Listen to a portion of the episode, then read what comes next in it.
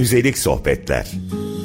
En bas, une pierre, un chemin qui chemine, un reste de racine, c'est un peu solitaire. Kültür ve insana dair müze odaklı konuşmalar. C'est la mort, le sommeil, c'est un piège entrouvert, un arbre millénaire. Hazırlayan ve sunanlar Emel Gülşah Akın, Gökçe Büyükmete ve Pelin Kahya Boran.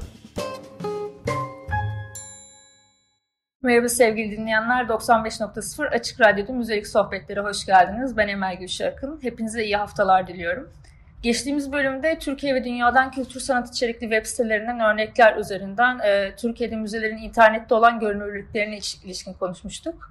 Türkiye'den Artful Living, e, Kültür Limited, Argonotlar ve Escope örneklerini kısaca inceledik ve iki amatör projeden bahsettik. Ardından yurt dışından iki örneğe değer verdik.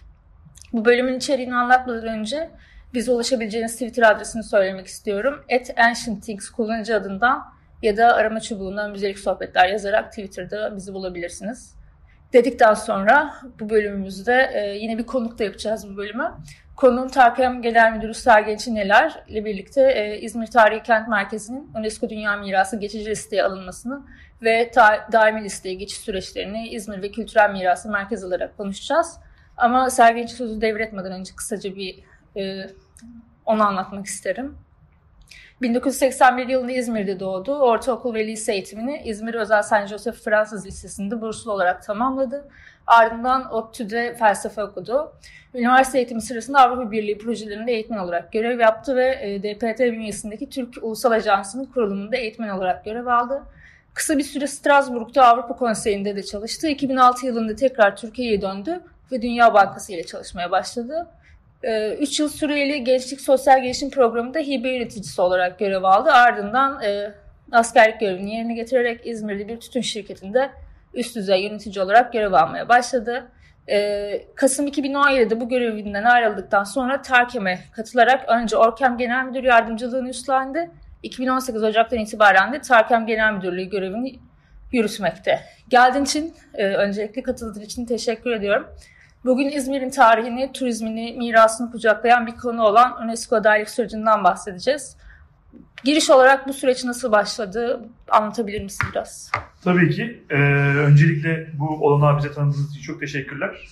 Çünkü açıkçası Kemeraltı, Kadifekale, Basmane ve İzmir'in bu e, en önemli e, kent merkezi olan bu en önemli yerini tanıtmak için biz her türlü mecrada bir şekilde kendimizi anlatmak şansını tanıyoruz ama bu kadar amacına uygun bir programda olmaktan da çok e, gurur ve sevinç duyuyoruz. Açıkçası e, UNESCO İzmir için her zaman bir hayal. Zaten şu anda iki tane Dünya Miras Listesi'nde olan e, yeri var. Efes ve Bergama. E, ve ilk yola çıkışta e, bütün bunları yaparken Efes ve Bergama'nın gücünü her zaman yanımızda hissettik. E, o günü çok iyi hatırlıyorum. E, bir araştırma yapalım demiştik kendi içimizde. E, Kentimiz İzmir Derneği'nden Şebnem'le beraber bir araştırma yaptık ve dedik ki İzmir Tarihi Kent Merkezi niye UNESCO'ya girmiyor? Acaba girse nasıl olur diye bir internet araştırmasından sonra aslında bu hayali ilk defa bizim kurmadığımız, bu hayalin yaklaşık o zaman da 15-16 önce, yıl önce kurulduğu, yani yaklaşık olarak 2003-2004 yıllarında ilk defa kurulduğu, o günkü belediye başkanları, oda başkanları, milletvekilleri biz Tarihi Kent Merkezi'ni kemen altına UNESCO'ya alacağız diye bütün şehirle beraber bu hayalleri, bu vizyonları ortaya koyduğunu gördük. Tabii sonra gördüğümüz bir hayal kırıklığı 15 yıl geçmiş hala hiçbir şey yapılmamış. Ee, tabii hiçbir şey yapılmamış demek yanlış olur.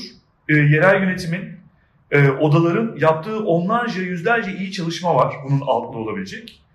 Ee, biz de bu altlıkları kullanarak acaba biz bu hayale ortak olabilecek geçici Dünya Miras Listesi dosyasını oluşturabilir miyiz diye e, 2018 yılının Aralık ayında bu konuyu bütün taraflarla konuştuk. O zamanki genel yönetimlerin başındaki kişilerle Aziz Bey, Sema Hanım, işte valimiz Erol Bey, oda başkanlarımız, bütün hepsiyle tek tek gittik konuştuk.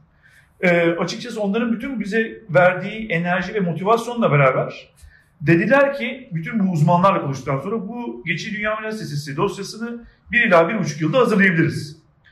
Sonra e, bu konuşmaları kendi içimizde yaparken e, kendimize bir hedef belirledik. Biz genelde hedefleri böyle kısaltma konusunda bayağı uzman ve şeyiz, motivasyonu yüksek bir ekibiz.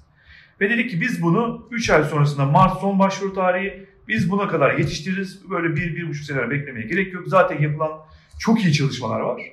Ve oturduk 3 aylık bir e, dosya yazım sürecine geçtik. Tabii bu dosya yazım sürecinde bazı ismini almamız gereken insanlar var. O dönemki Bergem alan başkanımız Yaşagül Ekici. E, o bize eğitimler verdi. E, o dönemde Kültür Bakanlığı'nda UNESCO biriminde çalışan Sayın Evrim Ulusan. E, çok önemli bir aktör. E, o da sonrasında bize zaten bir sürü yardımlarda da bulundu.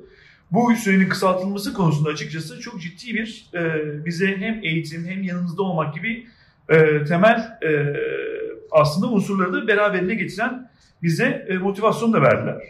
Tabii dün konuştuk da bu da enteresan bir şey. Efes alan başkanımız Cengiz e, Hoca e, hiç unutmuyorum bir toplantı yapmıştık işte bir buçuk yılda mı biter, üç ayda mı biter vesaire. Ya ne üç ayı siz bunu bir ayda yazarsınız diye bizi hatta o kadar motive eden e, bir kişidir Cengiz Bey de.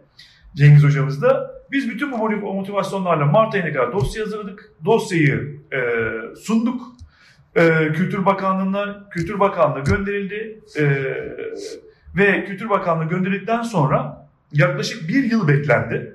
Normalde bu süreç böyle beklenmiyor çok fazla ama işte siyasi konjonktürler, yerel yönetim süreçleri vesaire seçimler gibi nedenlerden dolayı bir yıl beklendi ve e, Nisan ayında, geçen sene Nisan ayı, evvelsi sene Nisan ayında e, dosya e, geçici dünya miras listesine girdi.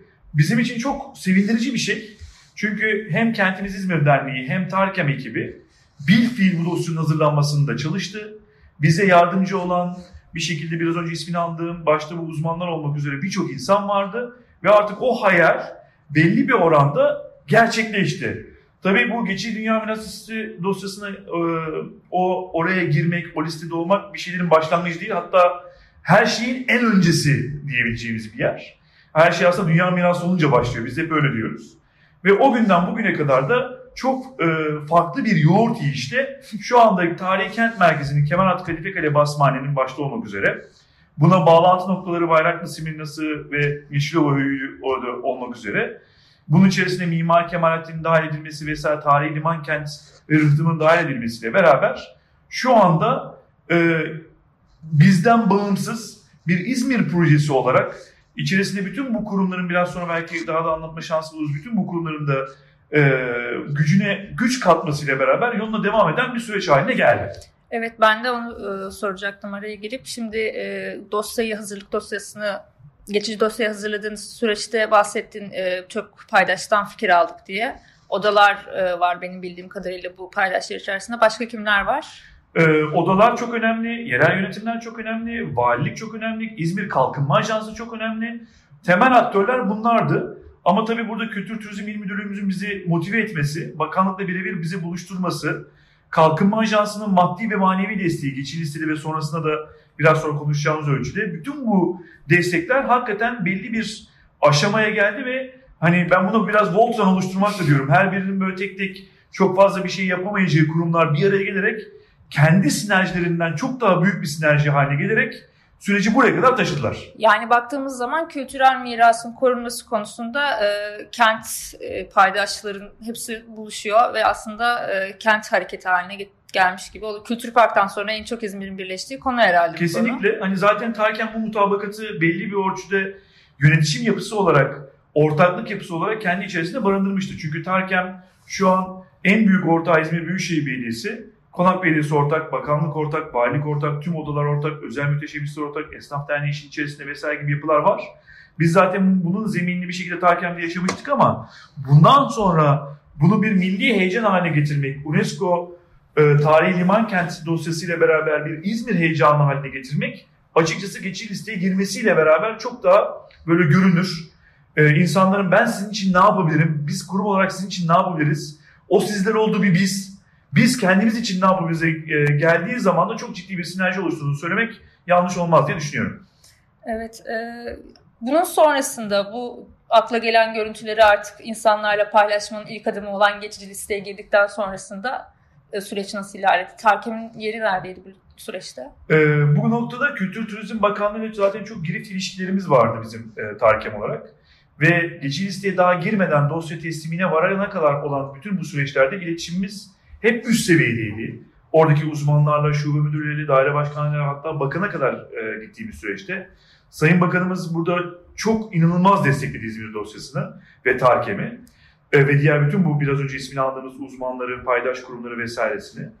Ve bununla beraber geçici listeye girdikten yaklaşık bir ay sonra bile yani belki 20-25 gün sonra Türkiye'de gene bir ilk olan e, bu sürecin devamında hem UNESCO Alan Başkanlığı Ofisi'ni kurmak hem de UNESCO Adalet Dosyası'nı hazırlamak üzere e, bakanlık bir tarafta, Tarken bir tarafta bir protokol imzalandı.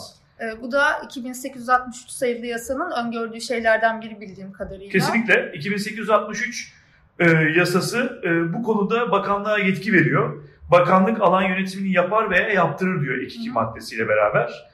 Bu e, maddeye bağlı olarak da yaptırtmak üzerinden e, bugüne kadar denenmemiş bir şeyi denedi bakanlık. Evet, evet onu soracaktım ben. E, çünkü bizden önce hep ya belediyelerle ya işte kazı başkanlıklarıyla ve onlara bağlı olduğu üniversitelerle açıkçası kazı başkanlıklarıyla veya işte il müdürlüğünün il müdürlüğünün kendi aracılığıyla yaptığı süreçler ilk defa bir anonim şirket olan Tarkem ama enteresan bir ortaklık yapısına sahip olan bir kamu özel işbirliği modeli yapısı olan Tarkem'le beraber bakanlık oturdu. Bir protokol imzaladı ve bu protokole göre de alan yönetim başkanlığının kurulması, ona bağlı tüm iş ve işlemlerin yürütülmesi ve UNESCO adalet dosyasının hazırlanması üzerinden yetkilerini Tarkem'e devretti. Bu aslında e, bilinenleri yıkan ya da yıkayan demeyeyim de bilinenlerin dışına çıkan bir e, pratik oluyor. Doğru aslında ama bu pratik e, dünyada var. E, e UNESCO yaklaşık bir 10-12 senedir özellikle PPP diyor bunda, Public Private Partnership e, kamu özel işbirlikleri modelinin bir kültürel mirası koruma alanında acaba örnek böyle projeler, örnek böyle yapılar, yönetişim yapıları kurabilir miyiz diye 10-12 yıl öncesinden beri aslında UNESCO bunlara çalışıyor. Biz Türkiye'de kamu özel işbirliği modellerini çok farklı yerlerde görüyoruz. Otoyollarda görüyoruz, barajlarda görüyoruz, başka yerlerde görüyoruz. Türkiye'de ilk defa ama bunu oransal olarak koruyan, bunu kültür mirasının korunması üzerine işleten bir yapı olarak Takem aslında evet, burada yani kendini sürdürüyordu. Özel şirketlere müzelerde satış hakkının verilmesi gibi bir e, özelleştirme sonrası hani kültürel mirasla alakalı bayağı çığır açıcı belki de denilebilir bir olay oldu. E, bundan sonrasında yani geçici listeye girildi, bir e, alan başkanınız belirlendi. Sonrasında neler yapıldı? Şöyle oldu. E, hemen sonrasında bir alan yönetim sınırı belirlenmesi işi e, devam etti. Biliyorsunuz e, yönetmelik gereği, e, yasa gereği alan yönetim sınırı eşgüdüm danıştırma kurulları e, bakanlık tarafından belirleniyor. Alan başkanı da bakanlık tarafından belirleniyor. E, o konuda çok hızlıca yaklaşık herhalde bir 3,5-4 ay içerisinde önce alan yönetim sınırı belirlendi. Hemen arkasından alan yönetim başkanı belirlendi ki Abdülaziz Ediz Bey e, uzun yıllar burada Kültür Turizm İl Müdürlüğü'nde e, müdür yardımcılığı ve müdür olarak e, görev yapmış olan e, kişi burada alan başkanı olarak belirlendi. Onun da başkanlığıyla beraber çok hızlı bir şekilde eşgüdüm denetleme ve danışma kurulları oluşturuldu. Açıkçası bu noktada evet bakanlık bunları belirliyor ve bunlar diyor ama orada da inanılmaz bir İzmir modeli diyebileceğimiz bir modelle bu gerçekleşti. Çünkü genelde eşgüdüm danışma kurulları e, Yasada var. Minimum 5 kişi diyor. Evet, e, çok az kurul, genelde de zaten az e, sayıda kurum ve kuruluş ve paydaş da bu iş e, yürütülüyor. Bütün Türkiye'de veya dünyada. Ama biz bunu İzmir'de bir milli heyecan haline getirebilmek için burada biraz da başımıza bela alarak tırnak içerisinde, bu yorum benim değil, e, odalardan bir tanesini biraz sonra ona da geleceğim. E, çok geniş katılımlı, bugün 50'nin üzerinde danışma kurulu üyemiz.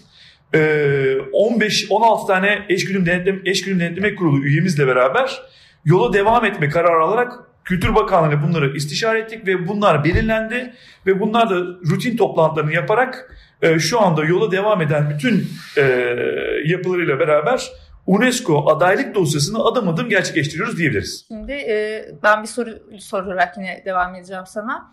Ee, İzmir'de dedik alanlar ve paydaşlar ilgileniyorlar. Ee, alan sınırları tartışması yapıldı bu UNESCO İzmir Tarihi Liman Kenti'nin belirlenmesi sürecinde. Bunda da e, odaların farklı görüşleri oldu, üniversitelerin farklı görüşleri oldu. Orta noktada nasıl buluşuldu? Ben onu merak ediyorum.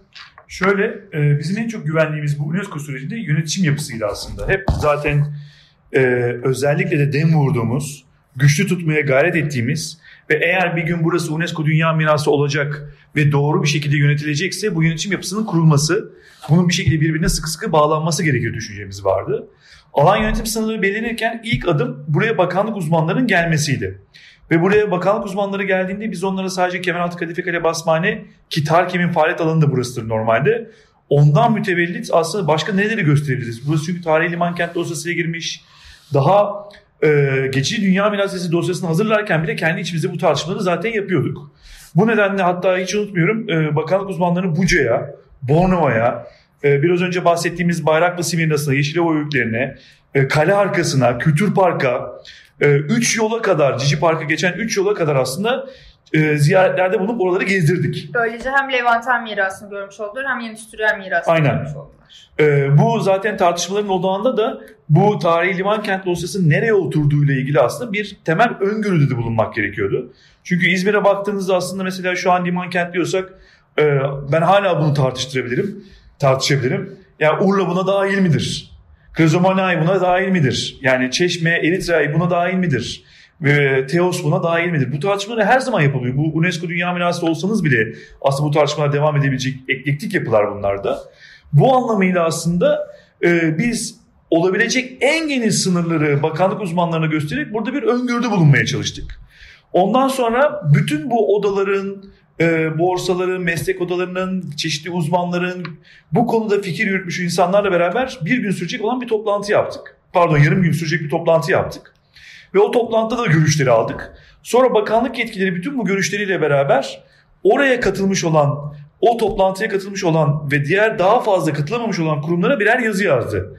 Dedi ki biz öngörü olarak böyle bir tam bir bölge bir düşünüyoruz. Sizin bu konu hakkındaki yorumlarınız ne dedi?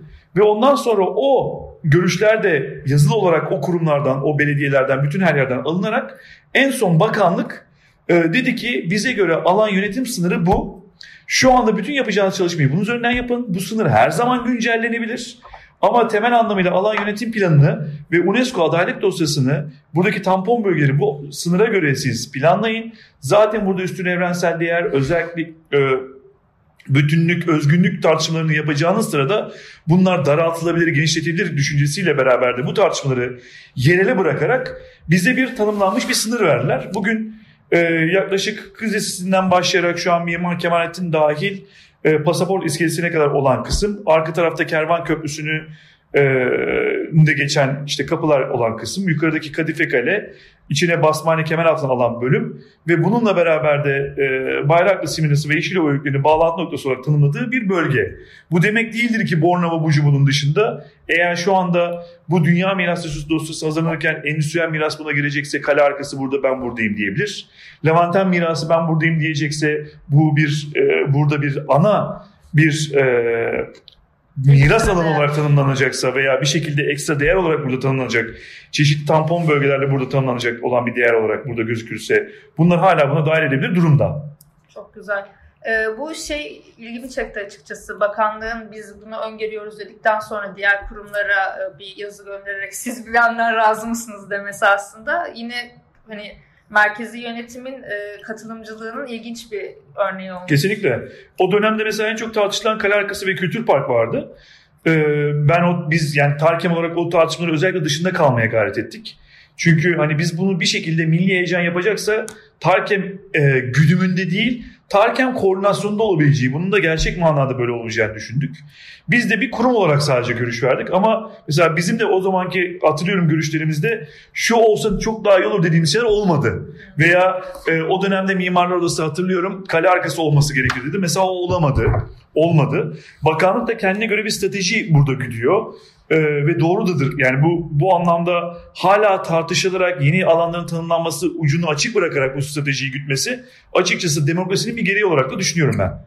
Evet. E, şimdi alan sınırlarına bakınca da Kemeraltı e, zaten ticari ve işte e, denizde olan ilişkisinin yanı sıra e, 16, 17, 18. yüzyıllardaki haliyle de bilinen e, bugün İzmirli'nin hala e, fokur fokur kaynadığı bir yer. E, Basmane bölgesi e, belki de İzmir'in demiryolu tarihiyle de özdeşleşebilen bir bölge. Kadife Kale bölgesi de bir tarihi tepe olmasıyla e, gözler önünde. Bağlantı noktalarını 8500 yılda İzmir diyerek Yeşilova'dan başlattınız ve Bayraklı Simirnesi'ye devam ettirip kemer altına bitirdiniz.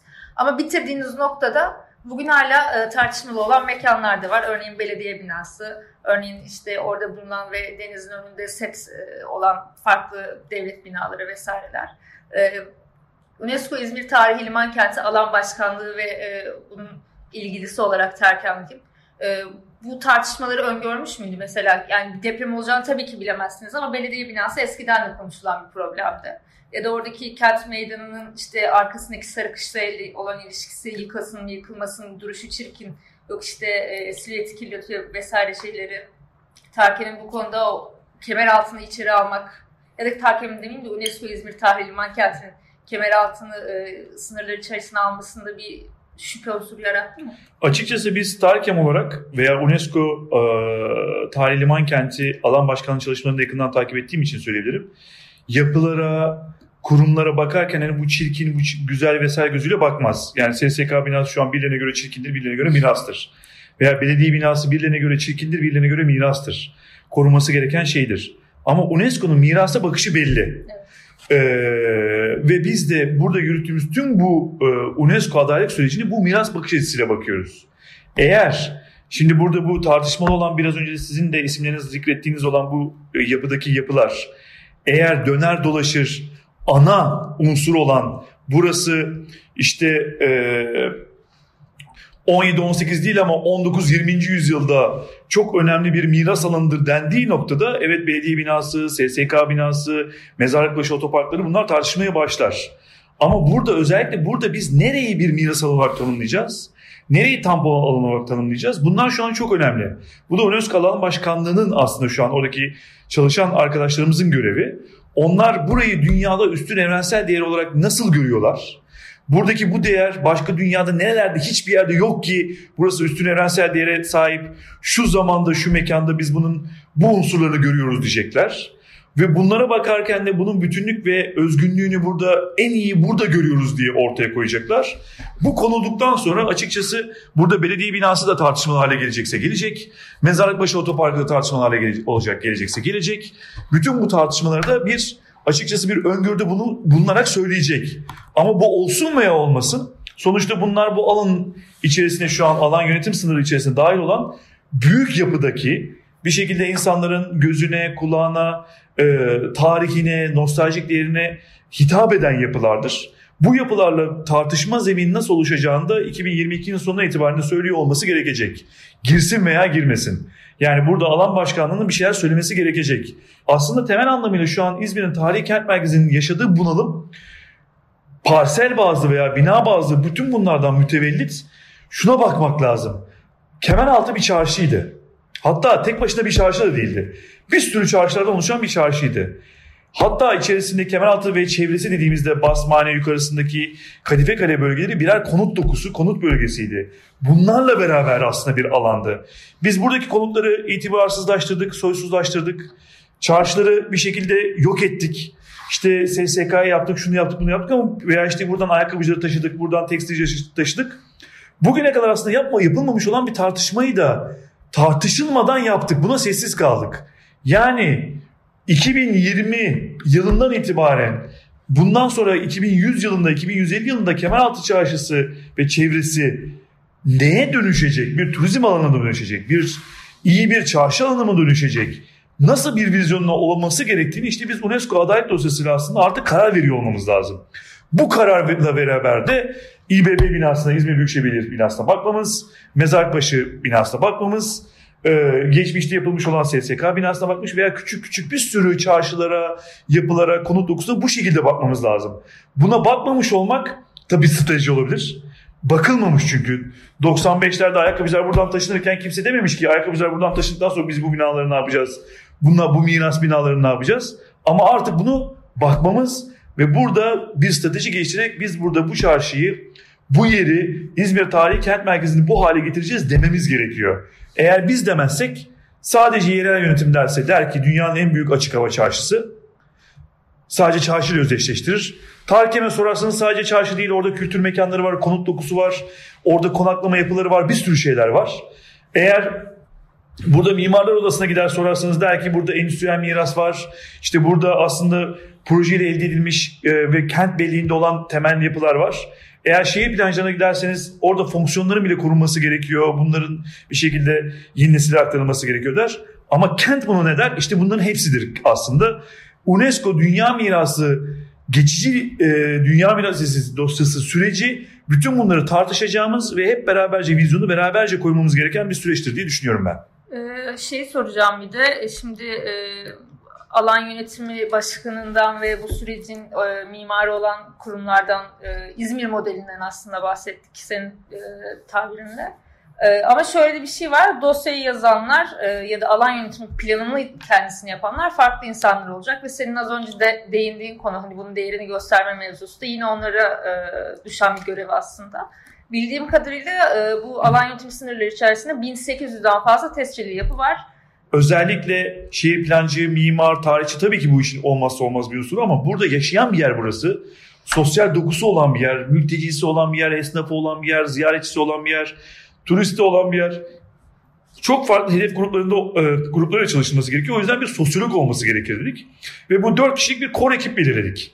Ve ilk yıl bu dört kişilik kor ekip e, tam manalı, tam manasında e, canını dişine takarak çalıştı. Şimdi hatta bu ilk yıl böyle de ikinci yıl buna restoratör mimar ve bir plancı daha e, koruma uzman koruma alanında çalışmış bir e, plancı daha ilave edeceğiz şimdi. Bu e, bir fiil İzmir Büyükşehir Belediyesi'nin maddi manevi desteğiyle beraber takimin üzerine aldığı aslında bir sorumluluktu. Ama bununla yetinmeyip açıkçası diğer bütün kurumlardan da bu işe personeller e, görevlendirmesini rica ettik. Yani İzmir modelini aslında e, uygulamaya da e, Aynen. hem yönetim seviyesinde hem de uygulama seviyesinde. Aynen. Ve o konuda İzmir Kalkınma Ajansı'ndan bir e, oraya görevlendirmeli bir personel geldi. E, Konak Belediyesi'nden bir personel geldi. İzmir Valiliğinden bir personel geldi. Kültür Turizm İl Müdürlüğü'nden bir personel geldi. Yerel yönetimlerden Konak Belediyesi'nden bir personel, İzmir Büyükşehir Belediyesi'nden de 3 personel geldi ve böylelikle bir 11 kişilik e, bir ekip oluşturuldu. Şimdi bu 11 kişilik ekip e, bunu götürürken Takim'in temel güdüsü, temel bu konunun yaklaşımı da Takim biz burada bir paydaşız. Siz tamamıyla özel bir yapıda burada 11 kişilik bir ekip alan başkanı ile beraber çalışsın ve burada doğru olan neyse bütün bunları doğru bir şekilde yapabilsin diye Büyükşehir Belediyesi'nin tahsis etmiş olduğu bir yapıda Basmane ile Kemeraltı'nın tam kesişimi olan bir yapıda 945 sokakta olan bir yapıda ki arzu edenler internet sitesinden e, sosyal medyadan takip edebilirler yerini bütün bu çalışmaları da orada görebilirler. E, geçtiğimiz Mart ayında orada ofisimizi açtık ve bu 11 kişilik ekip de orada çalışmaya başladı. Bu tariflediğin ekip aslında şeyi anımsatıyor bu güzel hikayelerdeki harmoni dolu ormanlarda uçuşan kuşlar ve böcekler hayvanların birlik içinde yaşaması gibi e, ideal kent e, paydaşlığı katılımcılığını biraz e, bana anımsatıyor açıkçası. Ve uygulamanın hani bu uygulamanın İzmir modeli uygulamasının ve kültürel mirasın korunması için hazırlanan tüm bu çalışmaların bu tarz bir şeyde böyle büyük bir birleşim ya da güç birleşimi altında e, bulunması çok hoş. E, aslında daha devam etmek istiyorum ama e, süremizin sonuna geldik maalesef. Umarım e, tekrar görüşme fırsatımız olur ve e, UNESCO Dünya Miras Kalıcı Listesi'ne girdikten sonra da artık bundan sonra neler olacağını konuşuruz. Katıldığın için çok teşekkür ederim. Ben teşekkür ederim. Çok sağ olun. Görüşmek üzere sevgili dinleyenler. Müzelik sohbetler. une pierre, un chemin qui chemine, un reste de résigne, c'est un peu solitaire. Kültür ve insana dair müze odaklı konuşmalar. C'est la le sommeil, c'est un piège entrouvert, un arbre millénaire. Hazırlayan ve sunanlar Emel Gülşah Akın, Gökçe Büyükmete ve Pelin Kahya Boran.